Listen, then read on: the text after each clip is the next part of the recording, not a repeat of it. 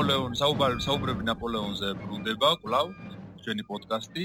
და მე ნიკა რომელიც ამდენ ხანი არ ყოფილა რა პოდკასტზე კვლავ დაუბრუნდი ახლა და აი ალეკოსთან ერთად. მოგესალმებით ყველას. ნამდვილად ძალიან გაგვახარე რომ დაგვიბრუნდი. დღეს რაზე უნდა ვისაუბროთ?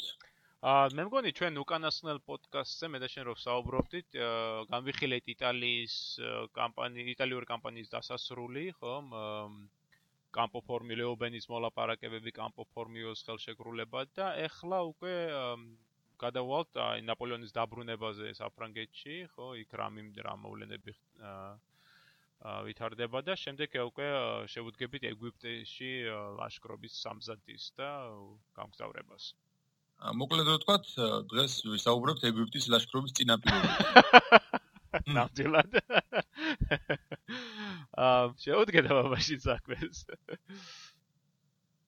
ზეგი ჩვენ წინა პოდკასტში როგორც საუბრობდით და მე წინაში გულისხმობა იტალიურ კამპანიას ხო? ჩვენ კი მე კი ჩავიწერე ჟოზეფინას პოდკასტი მაგრამ იმის წინას პოდკასტზე საუბარი. ჩვენი ერი გამოვიდა სხვათა შორის ის ერთი პოდკასტი მადლობა დამაკდი ხო იცი კარგი იქნება რო არა ხარ აქ მაინც სხვა არის ასე რომ ხო რა თქმა უნდა ხო პოდკასტი ეგ არის რა. აბა აა ხო და ჩვენ რო ერთად საუბრობდით სწორედ კამპოფორმიოს მოლაპარაკებებზე და დავინახეთ თუ რამხელას დიდი ზეგავლენა აა იქონია აი სწორედ ამ ხელშეკრულების ხელის მოწერამ.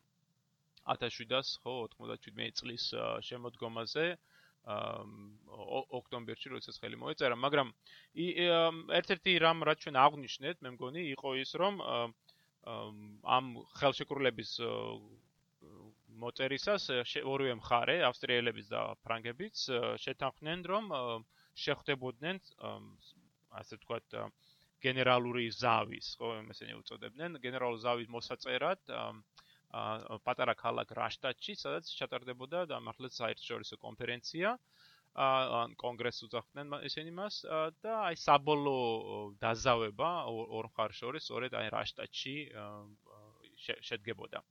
აა სწორედ ამიტომ არის რომ დეკემბრისათვის ნაპოლეონი სწორედ აი იტალიიდან გასამგზავრებლად ემზადება. მაგრამ მე მგონი ჩვენ ისიც აღნიშნეთ ხო მე პოდკასტში რომ კამპო ფორმიოს ხელშეკრულება არ იყო პოპულარული საფრანგეთში საფრანგეთის ხელისუფლებაში უფრო სწორედ ერთის ხრივ ფრანგი ხალხი ხო აი ძალიან დიდი ენთუზიაზმით შეხვდა ხო ფიდობის დამყარებას ხო ფიდობდი ხო ა მაგრამ მეორე მხრივ ხელისუფლება, აი დირექტორია და დირექტორის გარდა უკმაყოფილო იყო პირობებით. ნამდვილად. ა ჩვენ ჩვენ მე მგონი აღნიშნეთ რომ ორი მაგალითად დირექტორი რუბელი და მერლინ დე დუა და მეტად კრიტიკულად იყვნენ განწყობილები ბონაპარტის მიმართ და განსაკუთრებით იყვნენ გაბრაზებულები იმით რომ ნაპოლეონმა ხომ კამპოფორმიოს სიმოლაპარაკებების დროს დათანხმდა იტალიის ჩრდილო აღმოსავლეთი ნაწილის მთელი ვენეციის ავსტრიის ავსტრიისათვის გადაცემაზე ამ ამ დირექტორებს უნდათ ამ სწორედ ამ რეგიონის საფრანგეთისათვის დამორჩილება. ასევე დიდი უკმაყოფილება იყო ეროვნულ კრებაშიც სადაც იაკობინელთა ფრაქცია, რომელიც ჯერ კიდევ მძლავრობდა, მართ მიუხედავად იმისა, თუ რა მოხდა 94 წლის ხო ზაფხულში, მაინც იაკობინელები მძლავრობდნენ და არაერთი ძალიან მეტად კრიტიკულის ხმა გაისმა სწორედ ნაპოლეონის წინააღმდეგ. აა მაგრამ ნაპოლეონმა მაინც გადაწყვიტა, რომ აი უნდა წასულიყო რაშტატში და მიიღო მონაწილეობა ამ სწორედ კონგრესში. ისიც არის აღსანიშნავი, რომ სწორედ ამ მომენტში აა ხდება აი სწორედ ნაპოლეონის რეპუტაციის წარმოჩენა როგორც აი ეროვნული გმირი.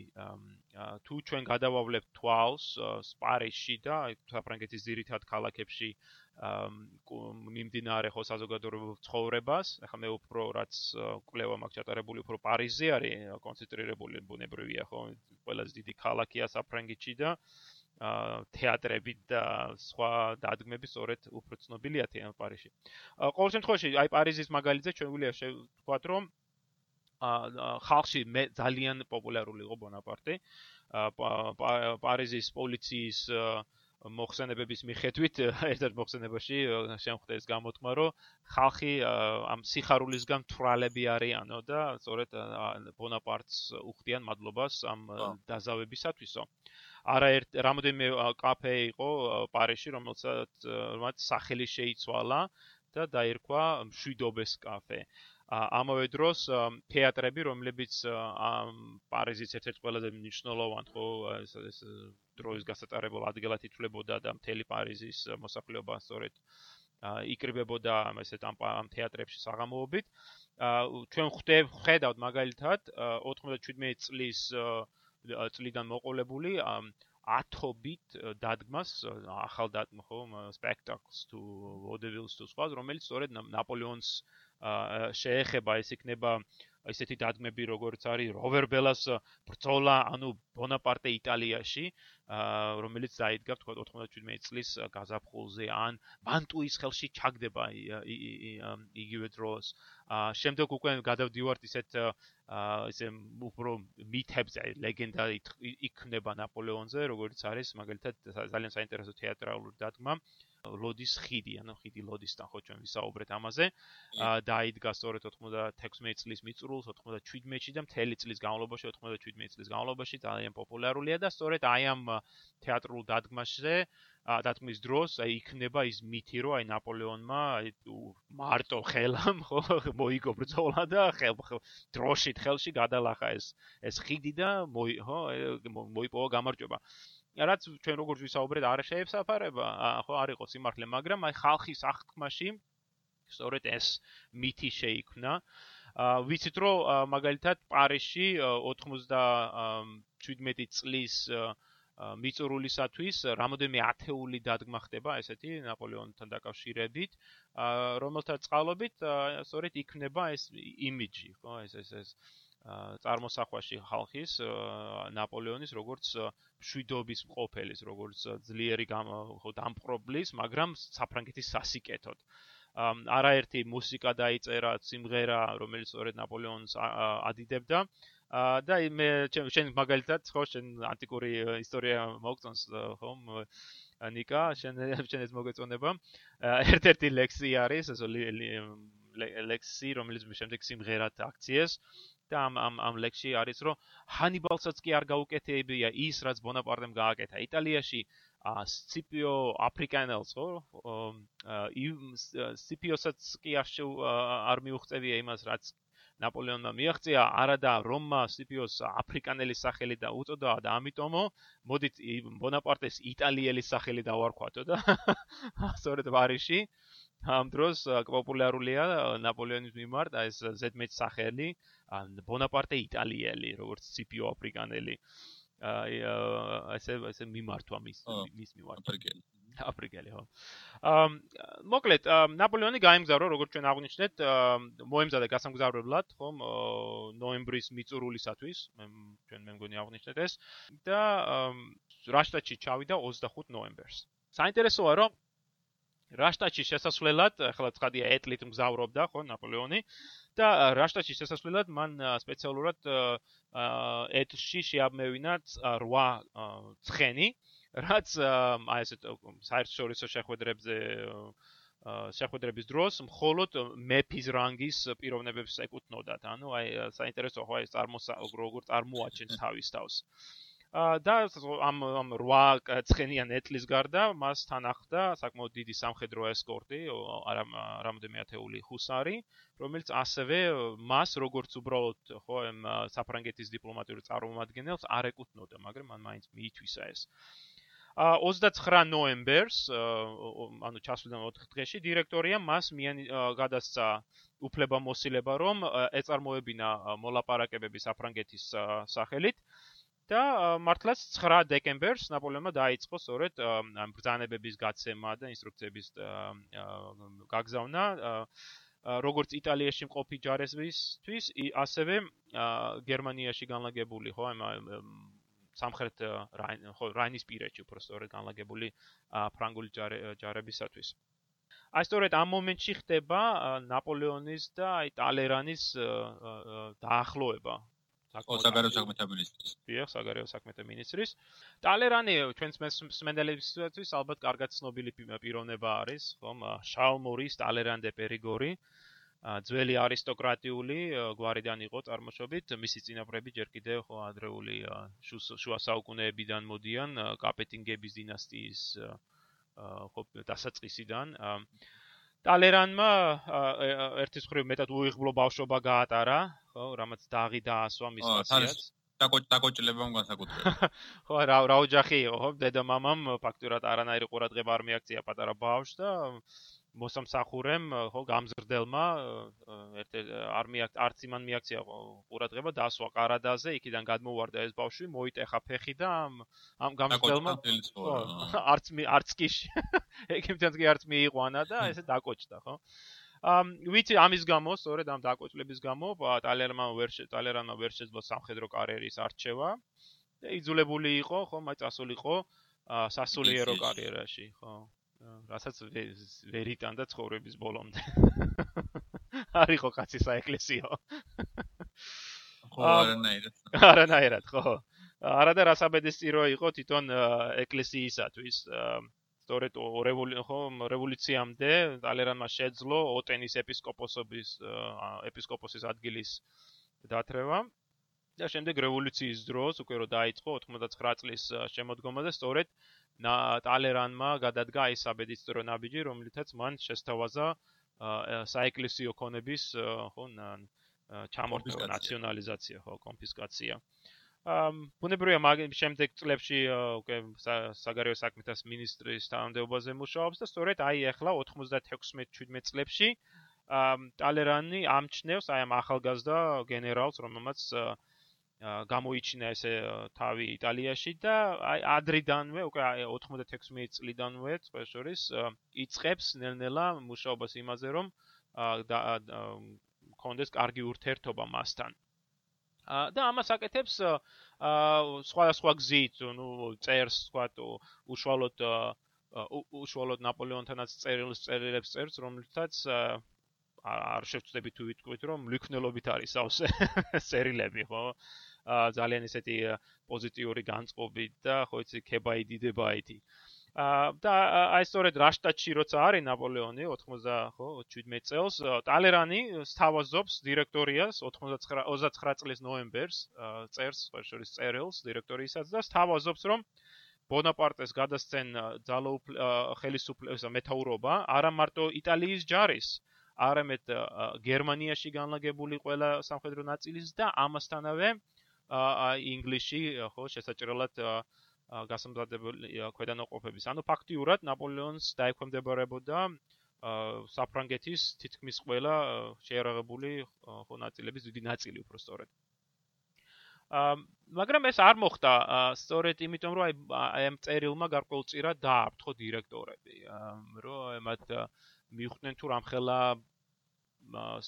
საფრთხესთან კონდათ საქმე. აა თვითონ დირექტორიაში არის უკვე დაპირისპირება მერლინ დედუა ერთ-ერთი დირექტორი და რუბელი უპირისპირდებიან ბარას, ხო, პოლ ბარას ჩვენ უკვე აღნიშნა რა ერთხელ და ბარას ჭირდება ნაპოლეონი. და სწორედ ამიტომ არის რომ ნაპოლეონთან წერილი გაგზავნა ბარასმა და სთხოვა დაუყოვნებლივ წამოსულიყო რაშტატიდან. მე მგონი ქართულ ლიტერატურაში არის საუბარი, რომ ნაპოლეონმა ჩავიდა რაშტატში, ყველაფერი მოაგვარა და მას მეტ არაფერი აღარ ესაკნებოდა. კი, ასე წერია, რომ თითქოს ეს გერმანელი სახელმწიფოები მას ნაკლებად აინტერესებდა და მოკლედ მოაგვარა ეს საკითხები და დაბრუნდა უარ. ხო, რეალობაში ის არის რომ ბარასი იწევს მას უკან, ანუ სწორედ პარიში ესეჭიროება ბონაპარტე, ხო, აი ეს მისი ეს ეს მთელი გამარჯვებები და მისი რეპუტაცია და მისი ზეგავლენა ბარას ჭირდება სწორედ დირექტორიის შიგნით მიმდინარე აი პოლიტიკური ორთაბრძოლის მოსაგებად. და ამიტომაც ბონაპარტემ რამცულ რამოდენმე დღე გაატარა ფაქტი თითქმის კვირა გაატარა და 5 დეკემბრიდან უკვე იყო პარიზში. 3 დეკემბერს ხო შორ 3 დეკემბერს უკვე წამოსულია რაშტატიდან ხო. ხო ანუ თითქმის მალე გაიარა ძალიან. 25 თან ისე როგორც ვთქვი ძალიან ისე გაიარა რომ არ შეემჩნიათ მაინც და მაინც აი ხო აი მართალი ხარ აი სხვა შორის აი სწორედ კონტრასტი არის რაშტაჩი ჩადის მეფისაცის განკუთვნილი იყო ეს ეტლით რაცხენი და ესკორტი და საფრანგეთში კიდე ბრუნდება არავისათვის უთქმელად სხვა შორის არავინ იცოდა რომ ბრუნდებოდა. პარიზშიც ისე შევიდა რომ არავის გაუგია მისი ჩამოსვლა. აა ვიცი ზუსტად როდის ჩამოვიდა სხვა შორის 5 დეკემბრის და როგაიგე როგაიგეს კი ნატყდა მე აა საინტერესოა რომ აა მგზავრობა ამ ამ პარიზში მგზავრობისას ნაპოლეონმა იმგზავრა ჩოულებრივი საფოსტო ეტლით ანუ ეს გამორჩეული არაფერი არ გაუკეთებია. ო, რაცხენი აღარ შეუგო. ნამდვილად. არანაირი სამხედრო ესკორტი. ისიც აღსანიშნავია, რომ დაბრუნდა სამოქალაქო ტანსაცმელში გამოწყობილი, ანუ სამხედრო გენერლის ფორმა არაცვია. და აი სწორედ ის რომ არავისთვის უთქმელად ისე ჩუმად ჩამოდის. ა ჟოზეფინა სად არის ალბათ იკითხავს მსმენელი ჟოზეფინა ჯერ კიდევ იტალიაშია არც იმას ეჩქარება დაბრუნდება შორის, როდესაც დაიწყებს სამოსვლას, ორ თვე ნახევარს მოანდომებს, რომ ჩამოვიდეს პარიში. რაც შეიძლება ნელა-ნელა იმგზავრებს, ხო? მე აღნიშნე ეს წინა პოდკასტში, სწორედ ნაპოლეონის და ჟოზეფინას ურთიერთობა, რომ ამ დასაკმაოდ დაძაბული ამ მომენტში და აი სწორედ მისი ამ ჟოზეფინას გადაწყვეტილება, რომ აი ესე ნელა იმგზავროს და ჩავიდეს პარიზში მხოლოდ იანვრის 98 წლის იანვრის იანვარში ცხადყოფს თუ რომ მას არანაირი სურვილი არ აქვს თავის ქმართან ხო ჩავიდეს ნაადრევად და გაატაროს დრო. აი, როდესაც შენ უკვე აღნიშნე ხო ეს რომ როდესაც ნაპოლეონი უკვე გამოვიდა შემეორე დღეს საჯაროდ ხო გამოეცხადა საზოგადოებას მას მართლაც აი ტრიუმფალური დახვედრა მოუწყვეს სადაც კი არ წავიდა ყველგან დიდი ხო თავშეყრა ხალხის ზეიმი ტაშისკრა ჩვენ გვაქვს არა არაერთი ცნობა ისტორიად ამ პერიოდიდან როგორც წერილო როგორც წერილები ასევე დღიურები და მემუარები ერთ-ერთი საუკეთესო არის.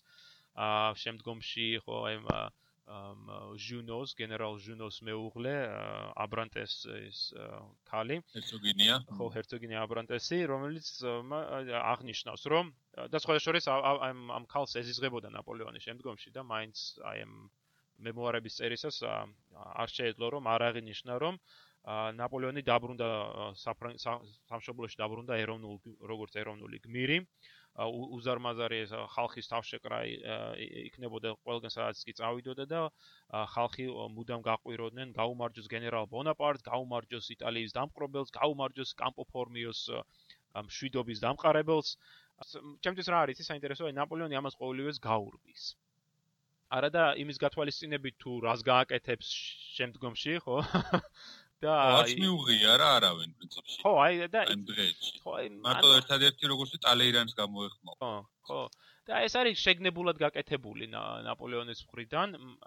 იმიტომ ჩვენ ვიცით მაგალითად მონტებელოში რო ცხოვრობდა ხო აი 97 წელს ვიცით რომ მეფესავით იყო რომ არაერთი პიროვნება ვინც ჩავიდა მონტებელოში და მიახლა მას აღნიშნავდა რომ ნაპოლეონი მართლაც რო აი რესპუბლიკელი მეფე იყო მონტებელოში. ანუ მას არ ქონდა იმის პრობლემა რომ კარგად ეცხოლა, კარგად ხო ეგულავა და ეჩვენებინა ეს თავისი წარმატება, მაგრამ პარიში რო ჩავიდა, სულ აბსოლუტურად სხვანაირი როლი აიღო თავის თავზე. როგორ ჭირდებოდა ისეთი? ხო, რომ აი ხაზი გაუსვა იმას, რომ კი, იტალია დავიფყარე, კი, ომი დავასრულე, შვიდობა დავამყარე, მაგრამ მე უბრალოდ ერთი ჩეული, ხო, ჩეულებრივი ფრანგი ვარ.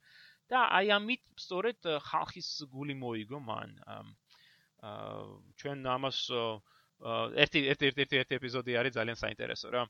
აა 98 წლის აი დასაწყისში ნაპოლეონ გაემგზავრა სანაპიროზე, ხო, ატლანტიკის სანაპიროზე, რომ სწორედ ინგლისში შესაჭრელი ჯარის სამზადისში. და ქალაქ დუნკერკში იყო ჩასული.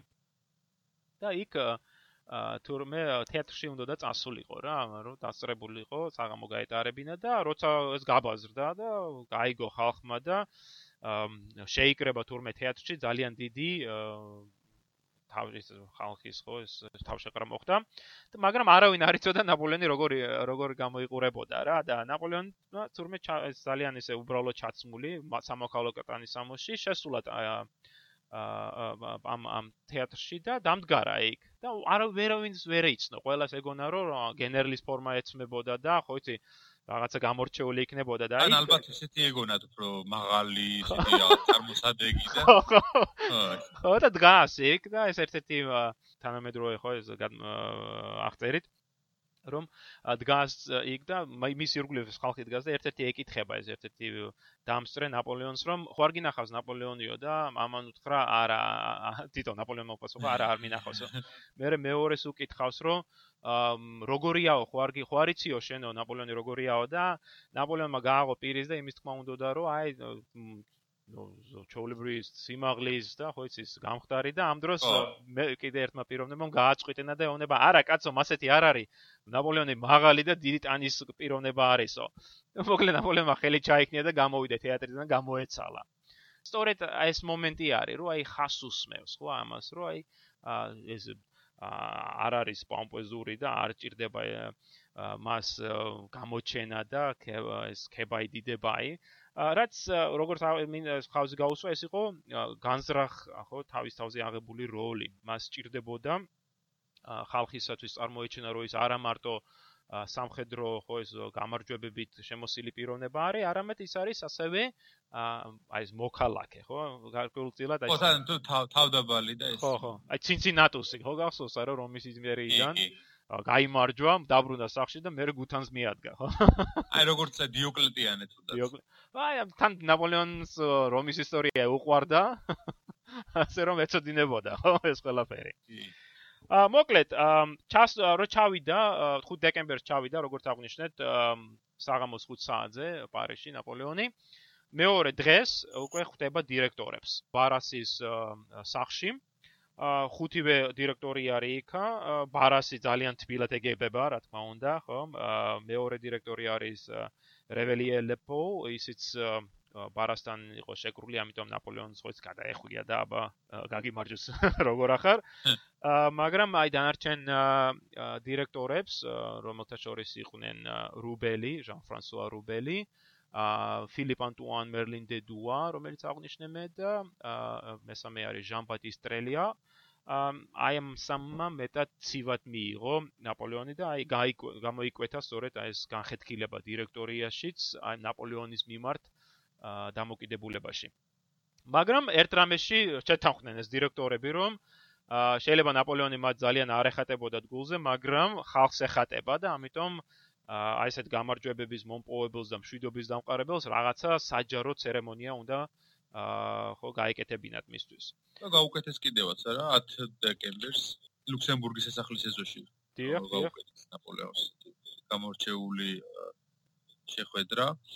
აა პრინციპში ეს შეხვედრა საინტერესოა იმით, აი თუ ნაპოლეონი როგორი წარმოჩინდა ამ შეხვედრაზე როგორი გამოვიდა.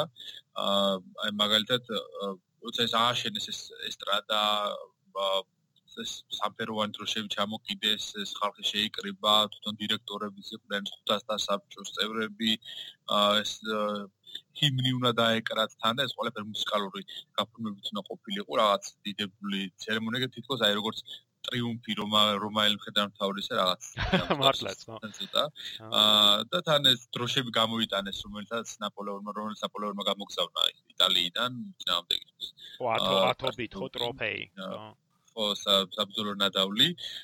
და თვითონ ნაპოლეონი რო გამოვიდა ანუ ძალიან გაუკვირდა ალბათ ბევრს რომელსაც ნანახი არ ყავდა ნაპოლეონი ესეთი პატარა ტანის კაცი იყო უბრალოდ ჩაცმული ძალიან ისე აა თან განსაკუთრებით ძალიან ისე ცივად ეჭირაო თავიო ნაპოლეონსო აა და როდესაც სიტყვით გამოვიდა ძალიან მოკლე სიტყვა თქვა და თითქოს უფრო რაღაცა ბიულეტინებს რო აქვეყნებდა რაღაც სტილისში ილაპარაკა ვიდრე რაღაც სახალხო გამოსვლის ვარიანტი. ხო, მაგრამ სამაგეროთ ტალერანმა ისეთი სიტყვა და ისეთი სიტყვა წარმოთქვა იქ, რომ აა ალბათ ნაპოლეონის ყურები ქონდა გაწიწლებული, ხო იცის? აა ქებას და დიდების გარდა, ესე იგი რაც კი შეეძლო ყველაფერი შეტენა ამ ამ სიტყვაში. აა ნაპოლეონი იტალიის დამპყრობელი, ნაპოლეონი საფრთხო რომის იმპერიის დამამარცხებელი, ნაპოლეონი ბრიტანეთის მომავალი დამპყრობელი, ნაპოლეონი რომელმაც საფრანგეთს მშვიდობა და თავისუფლება მოუტანა და ასე შემდეგ და ასე შემდეგ. და სწორედ ამ ტალერანის სიტყვის შემდეგ 1200 მომღერალი იყო შეკრებილი ლუქსემბურგის სასახლის ეზოში. აა სადაც 1000ობით სხვა ადამიანიც იყო და ეს 1200-მა მუსიკოსმა და კონსერვატორიის თელმა გუნდმა შეზახა იმ თავისუფლების ჰიმნი, ხო? ანუ ნაპოლეონმა განზრახ გააკეთა რომ ეს მოკლე სიტყვა, ხო? აი წარმოაჩინა თავის თავი როგორც როგორც ჩვენ აღნიშნე უკვე, ხო? ეს ძალიან აა რა ქვია თავდაბალი და უბრალო ადამიანი რა. ხო, როცა ხვებს შეეძლოთ, თო მისი სათქმელი ეთქვა. ამ პრინციპში ბარასით გამოვიდა მე სიტყვით, არა? ხო. გამოსწრეს დროს და ილაპარაკა იქ. მაგალითად გაიხსენა გენერალი ხოში, რომელიც დაღუპული იყო ამ დროს ახალი დაღუპული იყო. ახალგაზრდა იყო პრინციპში და ალბათ ნაპოლეონის შემდეგ ერთ-ერთი საუკეთესო ფრანგი გენერალი იმ დროის და ნეტა ცოცხალი ყოფილიყო, ასე თქვა დღეს. და ძალიან საინტერესოა იულიუს კეისარიც გაიხსენა. ბარასმა შეადარა ეს ნაპოლეონი ხო იულიუს კეისარი სანამ ეს გაფუჭდებოდა ხო? სანამ სანამ რესპუბლიკას დაამხობდა მანდამდე ვევასო გალის ხო ხო. პროცეს გალია დაიპყრო იულიუს კეისარმა ხოლო ნაპოლეონმა პირიქით იტალიას აჩუქა თავისუფლება ხო. ა სხვა შორის აი საინტერესო მომენტი არის რატო იცი აი ნაპოლეონზე ხო საუბრობ რომ აი თავდაბალი და ეს საჯაროდ მაგასაკეთე და აა კულისებს მიღმა კიდე რასაკეთებს იცი თავის სანდო გენერლებს მათ შორის არის ყველაზე ახლოს ამ ამ მომენტში არის ბერტიესთან. და სწორედ მას ავალებს რომ გამოსცეს ლიტოგრაფიები რომელიც კამპო ფორმიოს განადიდებენ და სწორედ ნაპოლეონს წარმოაჩენენ როგორც კიდე ერთხელ შენ ანტიკური ისტორიის როგორც დიდ მოყვარულს ვერცინგეტორიქსის აა ეს დამმარცხებელზე შურის მაძიებელს და ერთ-ერთი ლიტოგრაფიაზე წარწერა არის რომ ნაპოლეონი არის სწორედ იტალიის იტალიელების დამპყრობელი და ამით იმან შური იძლია ვერცინგენტორექსზე დამარცხების გამო და წარწერა არის 200 მართალია 2000 წელი დაჭირდა ამას მაგრამ როგორც იქნა ვიძიეთ შურიო გალებდა წარმოჩენა რა გალებმა გაიმარჯვეს არვერნების ომი გახდა აა მოკლედ ახლა რა ხდება დეკემბერ იანვარში ხომ 98 17 წლის მიწურული ხო დეკემბერი 98-ის იანვარი. აა 3 იანვარს როგორც იქნა ნაპოლეონმა მიიღო შეტყობინება რომ ჟოზეფინა ჩამოდის. და ნაპოლეონ ცოტა ცივად მიიღო ეს ამ დროისათვის აი ჩვენ უკვე აღნიშნე მეცინა პოდკასტში რომ მას აქვს ეჭვები რომ ჟოზეფინა ღალატობს. არის ის ჯერ, მაგრამ რაღაც ეჭვები აქვს რომ ჟოზეფინასთან ურთიერთობა არც ისე კარგად არის. ტალერანმა ნაპოლეონის გულის მოსაგებად 3 იანვარს მოაწყო ძალიან დიდი წვეულება ესეც ოტელ გალიფეში ძალიან საინტერესო შენობა არის და სწორედ 500-ზე 500-ზე მეტი ადამიანი იყო მოწვეული აქ და ახალი ცეკვა იყო სხვა შორის წარდგენილი ამ წვეულებაზე რომელსაც ბონაპარტე ერქვა ნაპოლეონის სადიდებლად შექმნეს. ძალიან კარგად ჩაიწვია ჩაიარა ამ ამ წვეულებამ, მაგრამ აი ნაპოლეონმა დაიგვიანა როგორც ყოველთვის სოციალურ წვეულებებზე მოვიდა სხვაშორის მე მგონი 3-4 საათის დაგვიანებით და ისიც დიდი ხანს არ დარჩა და დაბრუნდა. აი იმავე დღეს ჟოზეფინა ჩამოვიდა პარიზში და მათ შორის განხეთქილება ხდება. წინა პოდკასტში აღნიშნე რომ ჟოზეფინამ პარიზიდან რო საბოლოოდ გადაწყვიტა რომ წასულიყო თავის მარტენ იტალიაში იმოგზაურა ხო პატარა პატარა საზოგადოების ესე პატარა წრეში რომელთა შორის იყო ჟუნო ხო მისი პრეილინა კომპუა და ისე მოხდა რომ გზავრობის დროს ჟუნომ შეაცდინა ეს ჟოზეფინას პრეილინა ეს კომპუა და ამით გაწმილებულმა ჟოზეფინამ ეს ხალი გააგდო თავის სამსახურიდან. და კომპუა იძია შური, სწორედ ახლა იანვარში მივიდა ნაპოლეონთან და უთხრა ყველაფერი რაც კი იცოდა ჟოზეფინას ღალატზე. რთულია იმის თქმა თუ დაიჯერა თუ არა ბონაპარტმა. ყოველ შემთხვევაში იმის გათვალისწინებით თუ რა რეაქცია ექნება მას ეგვიპტეში, ხო, როცა გაიგებს ჟოზეფინას ღალატზე, ეთყობა რომ არად ჩააგდო ამ ამ ქალის კომპუას სიტყვები, მაგრამ მაინც, ხო, აი ღნიდა მაინც რაღაცა ჭია ჩაუ ჩაუჭდა. ყოველ შემთხვევაში ცოლქმარ შორის ეს ურთიერთობა მაინც დაძაბული არის. 97 წლის გაზაფხულზე ნაპოლეონმა მეტესი დრო გაატარა სწორედ ინგლისში შესაჭრელი ჯარის სამზადისში, ხო, ემზადებოდა. აა მან რამდენიმეჯერ იმგზავრა ატლანტიკის სანაპიროზე, იქ შეამოწმა ხომ როგორც საპორტო როგორც პორტში არსებული ხომ საფრანგეთის პორტში არსებული ვითარება, ასევე საზღვაო ძალები, ახლა შექმნილი ქვედანაყოფები და ასე შემდეგ. და მიხვდა რომ საკმაოდ რთული იყო ვითარება. რევოლუციამდე, ხო, 89 წლამდე, 1799 წლამდე ბრიტანეთსა და საფრანგეთს შორის რომ დიდი ხნის დაპირისპირება არსებობდა, ეს აყოლთაოდ ცნობილი ფაქტია და შუა საუკუნეებიდან მოყვება ეს. ხო, სხვა შორის დასავლურ დასავლეთ ხო, დასავლურ ისტორიოგრაფიაში დამკვიდრებული არის ეს ტერმინი მეორე 100 წლის ომი. რომელიც სწორედ მიუთითებს 18 საუკუნეს საუკუნიდან ეს 1815-მდე და რა პერიოდში 1688-დან, დიახ, 1815-მდე ან ეს დიდი სწორედ მეორე ასწლოვანი ომი. და ამ ამ ომის ამ დაპირისპირების ერთ-ერთი ძალიან მნიშვნელოვანი ხო შემოადგენელი ნაწილი იყო სწორედ საზღვაო შერკინება ამ საფრანგეთსა და ბრიტანეთს შორის. აა ეს ბრიტანეთი ლიდერობდა, თქო. თუმცა აი რევოლუციამდე არც ისე ხო არც ისე დიდი უპირატესობა ქონდა. ეხლა რომ რომ გითხრავ რევოლუციამდე საფრანგეთს აქვს სოფლიოში მეორე ხო სიდიდით მეორე საზღვაო ძალები ფლოტი.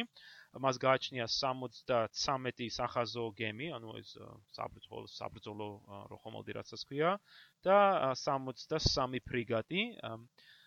ამავე დროს 93 წლისათვის უკვე როცა ომი დაიწყო საფრანგეთის საზღვაო ძალებში შედიოდა 88 სახაზო გემი და 73 ფრიგატი, რაც თუ შეადარე ბრიტანულ საზღვაო ძალებს, ბრიტანელებს ჰქონდათ 115 სახაზო გემი და 60 ფრიგატი. ანუ ო, დიდად არ ჩამორჩებოდა, ხო? ფრიგატებში საფრანგეთს უპირატესობა ჰქონდა. ამავე დროს საყოველთაოდ ცნობილი იყო რომ ფრანგული ხომალდები ბევრად უფრო კარგად აშენებული და ბევრად უფრო გამძლე იყო ამ სწორედ ამიტომ იყო რომ ბრიტანელები ყოველთვის ცდილობდნენ ფრანგული გემების ხელში ჩაგდებას, არა განადგურებას როგორც ასეთი, არამედ ჩაგდებას. ო, აბორდაჟზე უნდა ეყვანათ. იმიტომ რომ აი მათი დიზაინი, აგების სტილი და ყველაფრით ბევრად უკეთესი იყო. პრობლემა ფრანგებს რაც ძირითადი პრობლემა რაც აქვს ფრანგებს ის არის რომ რევოლუცია რომ დაიწყო ფლოტის ოფიცერთა корпуსი ფაქტურად წავიდა. აი როდ რომ სმენელს მიეწეს რომ შეექმნეს წარმოქმნა 92 წელს ომი რო დაიწყო 92 წლის მიწურულისათვის 9 ვიცე-ადმირალიდან 9 ვიცე-ადმირალიდან მარტო 2 იყო დარჩენილი საფრანგეთში. 42 კაპიტანიდან მხოლოდ 18 დარჩა და 356 ლეიტენანტიდან, რომელიც კაპიტნის შემცვლელად ითვლებოდა საზღვაო ძალებში, მხოლოდ 170 იყო დარჩენილი. მთლიანობაში 94-15 წლებსაც თუ დავამატებთ, საუბარი არის დაახლოებით 90% საზღვაო ოფიცერთა корпуსის წავიდა ემიგრაციაში და დატოვა სწორედ ფრანგული ფლოტი აი ამ წინამძღოლობის გარეშე. ამავე დროს ამ ომის დროს თვითონ 92-13-14 წლებში ფრანგებმა განიცადეს რა არაერთი დამარცხება საზღვაო, რის შედეგადაც დაკარგეს საკმაოდ ბევრი მეზღვაური, რაც ნიშნავდა რომ 95 წელს მაგალითად როდესაც ისინი ცდილობდნენ ფრანგი ფრანგული ფლოტი მაგალითად ცდილობს ბრესტიდან გასვლას, ამ ფლოტში არის 12000 მეზღვაური და მათგან 80% პირველად არის ზღვაში, ზღვაში გადის. მოკლედ გამოცდილება აღარ აღარ ქონდა. ნამდვილად. და აი აი ეს არის ის გავიხსენო თუნდაც, აი ტულონის ტულონის ალყის დროს ამდენი გემი წაიყვანეს იმათ ინგლისელებმა ისინი და გაანადგურეს დიდი. ნამდვილად. თვითონ ნაწილი ნაწილი და პრინციპში აი ამ თითქმის მთელი ხმელთაშუა ზღვის ფლოტი განადგურდა არა ტულონთან ესე გამოვიცა ფრანგეთისა და მანხელა დანაკლისის შევსება მე უკვე არცი ადვილი იყო. ოღა 30 სახაზო ხომალდის აგებას ხო არ ხომრებიან რა? თლიანობაში 93-სა და 97 წელს შორის ამ 4 წლის განმავლობაში ფრანგებმა დაკარგეს 204-ის გემი, რომელთა შორის იყო 40-მდე სახაზო გემი, ანუ ჩვენ თუ იმას გავითვალისწინებთ, რომ 88 დაიწყეს, ნო, ნახევარი დაკარგეს და 61 ბრიგადი. გავშევახსენებ მსმენელს, რომ ომის დასაწყისში 60 და სუმთლიანად 73 ბრიგადი ჰქონდათ. აი სწორედ გამანადგურებელი მართლაზე გავლენა იქონია ამ ფლოტზე. მართალია ფრანგები აშენებენ ხომ გემებს ყოველწლიურად, მაგრამ პრობლემა სწორედ აი ეს მეზღვაურების ხარისხში არის. ა სწორედ ამიტომ ნაპოლეონი როდესაც მიდის აი ამ დიუნკერკში და ბულონში და როშვორში და სხვაგან, როდესაც ის ამოწმებს საზღვაო ძალებს, ხვდება რომ ინგლისში შეჭრა სიკვდილის ტოფასი იქნება, ხომ? აა საფრანგეთის საზღვაო ძალებს უბრალოდ არ შეეძლოთ ინგლისის სრუტეს, ხომ, ლამანშის გაკონტროლება ამ ხელა დანაკარგების შემდეგ. აა ამიტომ ის წერს 98 წლის თებერვალში ის ხომ წერს ვრცელ მოხსენებას და ამ მოხსენებაში ხას უსმევს იმას, რომ ინგლისში შეჭრა ამ მომენტისათვის შეუძლებელი არის. ა სამაგიეროდ ნაპოლეონი წერს რომ აი ინგლისში შეჭრის მაგივრად მოდი იქნებ ჰამბურგში გავილაშქროთ. და ჰამბურგში ლაშქრობისას ხელში ჩავიგდებთ ასევე ჰანოვერს და მსმელს მე მგონი ეხსომება რომ ჰანოვერი ინგლის ინგლისის საკუთის იყო მეფის დიახ, ბრიტანეთის ხომ სამეფო დინასტია სწორედ ჰანოვერიდან მოდიოდა. ხო, გიორგი ჯორჯ მესამე, გიორგი თქო. აა ჯორჯ მესამე სწორედ აი ჰანოვერულ დინასტიიდან იყო და ეს იქნებოდა ორმაგი დარტყმა სიმბოლურიც, ხო, რომ სამეფო დინასტიის, ბრიტანული სამეფო დინასტიის მშობლიური მხარე ფრანგების ხელში იქნება და ამავე დროს ეკონომიკური, რადგანაც ჰამბურგი და ჰანოვერიც ძალიან მნიშვნელოვანი საპორტო ცენტრი იყო, სავაჭრო ცენტრი ჩრდილოეთ ევროპაში. ეს იყო ერთ-ერთი სწორედ შემოთავაზება, რაც ნაპოლეონს ჰქონდა და ეგვიპტეში გამგზავრება ნაპოლეონს ნამდვილად არ მოსვლია აზრად ჯერ. ეს იდეა სხვადასხვა მას არის ალერანსაც ჰქონდა რა? აა სწორედ ალერანის არის ხომ ეს ეს ეს მოფიქრება, რომ იქნებ ჰანოვერსა და ჰამბურგს მაგივრად გავილაშქროთ აღმოსავლეთში. უნდა ვთქვათ, რომ ეს ახალი იდეა ნამდვილად არ არის. ესე მე მე 18 საუკუნის დასაწყისიდანვე იყო რა აქტუალური. დიახ, მე ლუი მე-14-ის დროიდან, რა. დიახ, მე ლუი მე-14-ის დროიდანაც ამ სხვადასხვა ჩვენ შეგვიძლია ვნახოთ ამ ლეიბნიცის გეგმა, რომელიც მან წარუდგინა ლუი მე-14-ს, რომელშიც ჯერ კიდევ 1670-იან წლებში საუბრობს საჭიროებაზე, საფრანგეთისათვის საჭიროებაზე, რომ ხელში ჩაეგდოს ჩრდილო აფრიკაში, კონკრეტულად ეგვიპტეში, რაც მიწის ერთი ნაკვეთი, ხომ, რომელთანაც შეიძლება ინდოეთის ოკეანეში გადასხმა და იქ იმ დროისათვის ჰოლანდიელებთან ზოლის გაგრძელება. შემდგომში უკვე მე-18 საუკუნის დასაწყისში აქცენტი იცვლება, ხომ, ჰოლანდიის ნაცვლად, ძირითადი მეტოქე სწორედ ბრიტანეთი ხდება და ხედავთ იგივე იგივე გეგმას.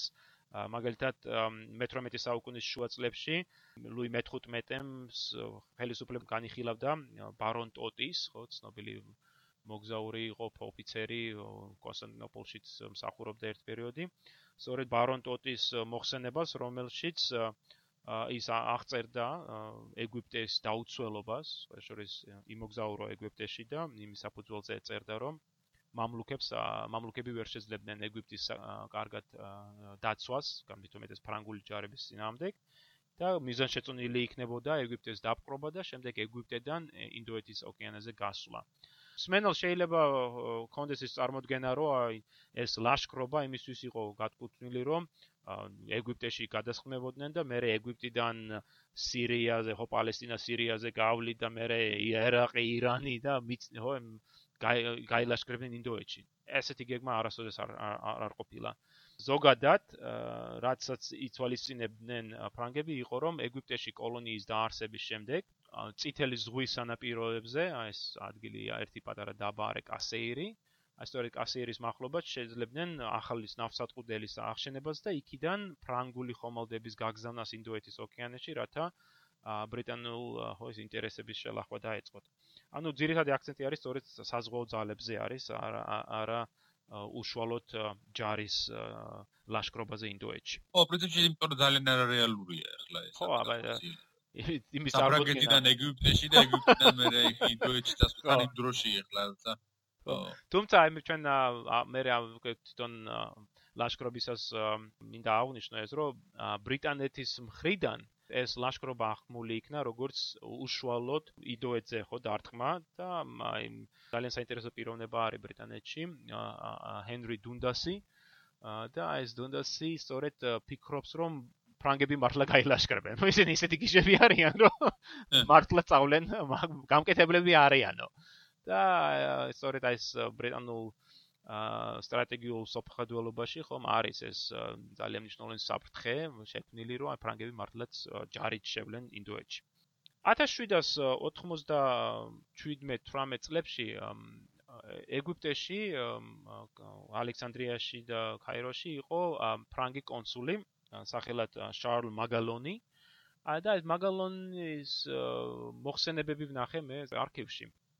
აი ძალიან საინტერესო პიროვნება იყო ძალიან დიდი ხანით ცხოვრობდა კიდეც ეგვიპტეში კარგად იცნობდა ეგვიპტეში ხო ამ ეგვიპტელ მამლუქებს რომელთა დიდი ნაწილი ხომ როგორც მსმენელმა ალბათ იცის სწორედ კავკასიიდან იყვნენ და ბევრი მათგანი ქართველიც და მაგალონს ძალიან კრიტიკული დამოკიდებულება ჰქონდა მამლუქების მიმართ.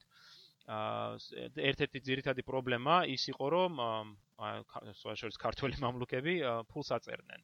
არა მარტო მაგალონს, არამედ ზოგადად ეგვიპტეში მოვაჭრა ფრანგებს.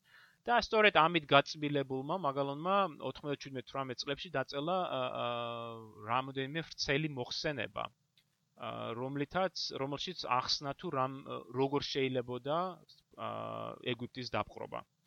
სწორედ მაგალონის მოხსენებები გამოიყენა ტალერანმა, როდესაც 98 17 წლის მიწურულს და 98 წელს მან შეადგინა სამი ვრცელი მოხსენება დირექტორიისათვის. პირველი მოხსენება მომზადა 27 იანვარს და შემდეგ უკვე მეორე თებერვალში, 14 თებერვალს და შემდეგ კიდევ ერთი მოგვიანებით. და აი ამ სამი მოხსენებით ტალერანმა დაასაბუთა ან ეცადა ყოველ შემთხვევაში დაესაბუთებინა ეგვიპტის დაპყრობის მნიშვნელობა. და აქ ხას უსმავს იმას, რომ ეგვიპტე მნიშვნელოვანი არა მარტო იმიტომ, რომ ინდოეთში შევძლებ ჩვენ ბრიტანული ინტერესები თქვა შელახვას, არამედ იმიტომ, რომ ეგვიპტეს გაკონტროლებით ისინი საფრანგეთს შეძლებდა აღმოსავლეთ ხმელთაშუა ზღვის სავაჭრო ცენტრების გაკონტროლებასაც. და ეს მნიშვნელოვანი არის საფრანგეთის იმის გათვალისწინებით, რომ ბოლო რამოდენიმე წლის განმავლობაში ბრიტანული ხომ ბლოკადის შედეგად საფრანგეთის ეკონომიკური ინტერესები მეტად შელახული არის. და აი ტალერანი ასაბუთებს რომ ეგვიპტედან ისინი შეძლებდნენ ახლო აღმოსავლეთში ფრანგული ვაჭრობის განვითარებას რითაც ხელს შეუწყობდნენ საფრანგეთის ომის დაფინანსებას და ბრიტანეთთან ბრძოლის გაგრძელებას. ნაპოლეონი თვითონაც დაინტერესებული იყო ერთი მხრივ. უკვე როდესაც ეს იდეა წამოაყენა ტალეირანმა და პოპულარული გახდა თვითონ ნაპოლეონის დაინტერესდა იმიტომ რომ ნაპოლეონს აღმოსავლეთის მიმართ განსაკუთრებული ინტერესი ჰქონდა. ეს გამოწვეული იყო იმითაც რომ ზოგადად ნაპოლეონს ხო ძალიან უყვარდა სამხედრო ისტორია კითხულობდა ალექსანდრე მაკედონელზე მის აღმოსავლურ ლაშქრობებზე და ეს თავისი თავის წარმოედგინა ესე როგორ რომ აი აღმოსავლეთში შეიძლებოდა ეს წარმატების მიღწევა როგორც ალექსანდრე მიაღწია და რაღაც აა პრო დიდია ეს აღმოსავლეთი უფრო მეტ საშუალებას იძლევა რომ გახდე თქო ესეთი როგორც ალექსანდრე იყო ვიდრე თქვა ევროპის ევროპაში მიმდინარე სამხედრო მოქმედებები. აა ამიტომაც აი ნაპოლეონის უცხო არ იყო ეს თლადეს საკითხი მას ალბათ მანამდეც უფიქრია რომ შეიძლებოდა ოდესმე გაელაშქრა მასაც ალექსანდრესავით აა ეგვიპტის და აღმოსავლეთის მიმართულებით. ამიტომ მოკლედ ენერგიულად შეუდგა საქმეს ნაპოლეონი საექსპედიციო корпуსი ჩამოეყალიბებინა პირველ რიგში, რომელიც როგორც ალექსანდრემ თავის დროზე წაიყვანა ეს თავის ფალანგა და ჰეტაირები, ისე ამასაც უნდა შეეკრიბა ახლა თავისი მეომრები, რომლებთან ერთადაც გაილაშქრებდა ეგვიპტეში. ალბათ ძირითადად მას სჭირდებოდა ის ხალხი, რომელიც უკვე გამოცდილი ყავდა ბრძოლაში, ნანახი ჰქონდა თქვა რა შეეძლოთ მათ ის წარმატებული მხედართაურები და მეომრები, რომლებიც იტალიის კამპანიის დროს თავი გამოიჩინეს. აა ну ამათ შორის ალბათ მაინც გამოირჩევა რამდენიმე პიროვნება, თუნდაც მან აიყვანა თავის მომავალი მარშლებიდან ზოგი ზოგი ობიექტები, მათ შორის მიურატიც, რომელსაც საკმაოდ თავი გამოიჩინა შემდეგ ეგვიპტის ლაშქრობის დროს, ბერტიე და რამდენიმე ძალიან საინტერესო გენერალი მათ შორის კლებერი და დეზე, რომელთაგან პრინციპში კლებერი უკან ვეღარ დაბრუნდა საფრანგეთში შემდგომში.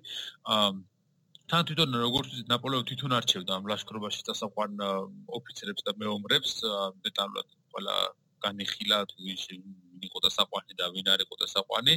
ამას გარდა მათ შორის იყვნენ ისეთი სარდლები როგორც ლანი, მიურატი, ბერტიე, მარმონი, ბესიერი, ჟიუნო, მეტესობა მე მარშლები გახდნენ მათ შორის და ყველას ამათ გამოცდილება ჰქონდათ მიღებული და ნაბდული ქონდათ ეგვიპტეში ნაპოლეონი გადაწყვიტა რომ ისინი უნდა თავის გვერდზე.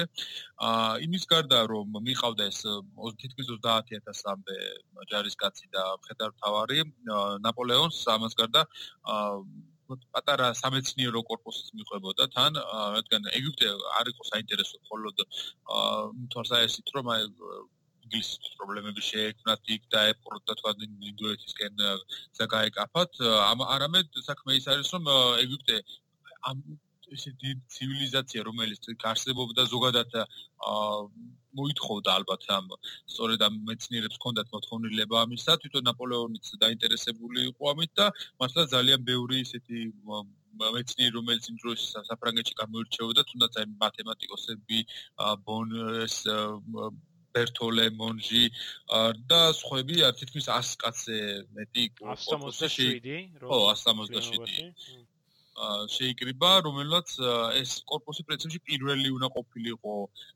ისტორიაში, რომელმაც ეგვიპტოლოგიისთვის უნდა ჩაეყარათ საფუძველი, იმიტომ რომ მათ იმდენად დიდი მასალა ელოდათ იქ გავახამდე ხელმოუკიდავი და გამოუკლეველი, რომ პრინციპში ახალმეცნიერებისთვის შეიძლება დაედოთ საფუძველი და მომრავი აღმოჩენა გაეკეთებინათ, აი თუნდაც მე შევეხებით ამ როზეტას ქვას და სხვადასხვა საკითხებს, რომელიც რომელიც ამ ნაპოლეონის ლაშქრობის დროს წარმოჩინდა და ასე შეუწყო ხელი ამ ძველი ეგვიპტის კვლევას. ნამდვილად მართლაც აღსანიშნავია რომ ამ 100 167 მეცნიერს შორის რომელიც აღმოჩნდა ექსპედიციაში ფაქტიურად ყველა საუკეთესო სახელები არის რაც საფრანგეთის სამეცნიერო თუ მუსიკალურ თუ სალიტერატურო წრეებში იყო ძალიან გამორჩეული ხალხი ზოგიერთმა მართალია უარი უთხარ მაგალითად ლუი დავიდმა გამოჩენილმა ფრანგმა ხატვარმა უარი უთხრა წასვლაზე. მაგრამ სამაგეროთ ხვებმა მაგალითად დომინიკ ვივან დინონმა ხო ლუვრის ცნობილმა წინამძღოლმა შემდგომში სწორედ დინონი ნაპოლეონმა არ დაპატიჟა და დინონმა ჟოზეფინასთან მივიდა და ჟოზეფინეს მეშვეობით ჩააწყო ფაქტურად ამ ექსპედიციაში მოხვედრა ლაშქრობა დაგეგმილი იყო ხომ უფრო ზაფხულისათვის მაგრამ საინტერესო მოვლენა ხდება აპრილში ვენაში ხდება დიპლომატიური ინციდენტი საფრანგეთის რა ქვია საელჩოში ხდებოდა პატარა წოულება იქნა მომზადებული სხვა შორის ამ დროს საფრანგეთის ელჩი ვენაში არის გენერალი ბერნადოტი რომელსაც ჩვენ შევხვდებით ხომ კიდევ არაერთხელ და ბერნადოტმა მეტად არადიპლომატიურად მოიქცა წარმოიდგინე ხა დამარცხებული არის ავსტრია ხო ფრანგების მიერ და ბერნადოტმა ეს დიდი წვეულება მოაწყო გამოფინა ფრანგე საფრანგეთის სიმბოლოები დიდი სიმღერა და გააღიზიანა ხო კეიტი ხო ასოზე დიდ ძალიან დიდი ესეთი ტრანსპარანტი გამოკიდა რომელსაც აეწერა ხო ეს თავისუფლება თანასწორობა, ძმობა, ხო égalité, fraternité და ამით მართლაც რომ ავსტრიელები გაამწარა და ხდება შეტაკება ავსტრიელთა ეს ბრბოს ხო ამ ხალხს და საელჩოს ხალხს შორის რომლის შედეგადაც დაშავდა კიდევაც რამოდენიმე ფრანგი ამ ამ დაპირისპირების დროს ბერნადოტი წარმოიდგინა ელჩია ხო ხმლით ხელში გამოვარდა. და აკუცავთო და აქჩეხავთო უყვიროდა ამ ავსტრიელებს. ანუ ამ ძალიან დიდი დიპლომატიური ინციდენტი მოხდა. ამის შემდეგ სხვა შორის ფრანგული საერთო ვენაში ამ ბლოკადაში მოექცა საფრანგეთსა და ავსტრიას შორის ურთიერთობა იმდენად დაიძაბა რომ აპრილის ბოლოს უკვე საუბარი იყო ომის განახლებაზე. და სწორედ აი ამ მომენტში, ეს 23-24 აპრილი არის, ხდება შეხვედრა დირექტორიაში, ბონაპარტე არის ამ ამ შეხვედრაზე, ტალერანი არის და დირექტორები. შეხვედრა საკმაოდ გრძელი გამოდგა, დაიწყო დილის 10 საათზე და საღამოს 6 საათამდე გაგრძელდა. და საუბარი იყო თუ საჭირო იყო თუ არა ეგვიპტეში გამგზავრება, მაშინ როდესაც აგერ ავსტრიასთან SSA ომი დაიწყება. ნაპოლეონმა სხვა შორის შესთავაზა შეეჩერებინა ეგვიპტეში ლაშქრობა და სთხოვა რომ მეტაურად დამნიშნე ჯარების და ფაქტობრივად ომი დაიწყოთ ავსტრიელების წინააღმდეგ კლავ. შეხვედრის შემდეგ იმავე საღამოს ნაპოლეონმა გაგზავნა წერილი ავსტრიელთა დიპლომატთან, აი კობენცთან, რომელიც შენ აღნიშნეთ, ხომ, წინა პოდკასტებში საუბრისას. და აი კობენცში კომერცთან წერილში მან ძალიან ესე მკაც სიტყვებით აუხსნა ვითარება რომ ან ავსტრია დათმობდა და და წავიდოდა თქო მოხსნიდა ამ საერთოს ბლოკადას და კიდე უფრო დიდ დათმობებს გააკეთებდა საფრანგეთის მიმართ ან ნაპოლეონი ჩაუდგებოდა კლავს საფრანგეთის ჯარს სათავეში და გაუძღვებოდა ხო კიდევ ერთ გამარჯვებისადმი და აი ეს ომის ავსტრიასთან მართლაც რომ ნებისმიერ წუთს ელოდნენ მაგრამ საბოლოოდ ავსტრია დათმობებზე წავიდა და ეხლა რატო არის ეს მნიშვნელოვანი და რატო გვინდა ეს მინდა და ამის აღნიშნა იმის რომ თვითონ დირექტორიაშიც შეიმჩნევა აი ესეთი ეჭვის თვალი ხო ნაპოლეონის მიმართ ეხლა წარმოიდგინეთ ბრუნდება ეს ეს გენერალი იტალიიდან და ამხელა სახალხო ხო ტრიუმფი შეხვედრა ხალხი აღტაცებულია და დირექტორია ეჭის თვალით უყურეს ნაპოლეონს. ვიცი ჩვენ რომ სწორედ ამ მომენტში შორის ნაპოლეონთან უკვე იყო მისული რამოდენიმე ადამიანი და შესთავაზა ძალიან ისეთ ხო ისეთ სიტყვებით რომ დირექტორია დაემხო.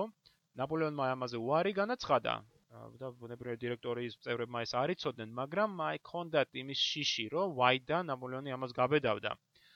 და ეხლა ავსტრიასთან კიდევ ერთი ომი რომ დაწყებულიყო და ეხლა სხვას ვის დანიშნავდნენ ხო? ნაპოლეონს ისე და ნაპოლეონს ყავრო ო კიდევ რო ჩაეგდო ხელში ეს სამხედრო ძალაუფლება გაემარჯვა კიდევ კიდე აუ წარმოიდგინე. აუ რა როგორი ძლიერი დაბრუნდებოდა უკან.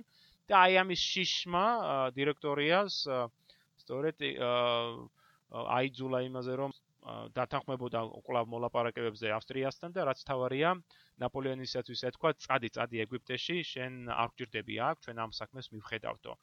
ასე რომ ეგვიპტეში ლაშქრობა დირექტორისათვისაც იყო მომგებიანი რადგანაც აი ამ ძალიან პოპულარულ და ამავე დროს გავლენიან ხო გენერალს აშორებდა პარიზს და ხელს უხსნიდა დირექტორიას გაეკეთებინა ხო ეს თავის საქმე იმის შიში აღარ ეკნებოდა რომ თქვა სამხედრო გადატრიალება მოხდებოდა. თუმცა კაი ამბები კი დაადგათ არა იმ ლეონიგუტეში იყო იქ მაინც დამეთ კარგად ვერ მიხედეს საქმეს. აა მოკლედ მე მგონი გაგვიგრძელდა ეს პოდკასტი. მოდი ახლა იმით დავასრულოთ რომ 1798 წლის 4 მაისს დილის 3 საათზე ნაპოლეონი ჯდება ეტლში. და პარიზიდან მიემგზავრება ტულონში, სადაც ის სწორედ ახლად დარქმეულ აღმოსავლეთის არმიას უნდა უხელმძღვანელოს. ნამდვილად.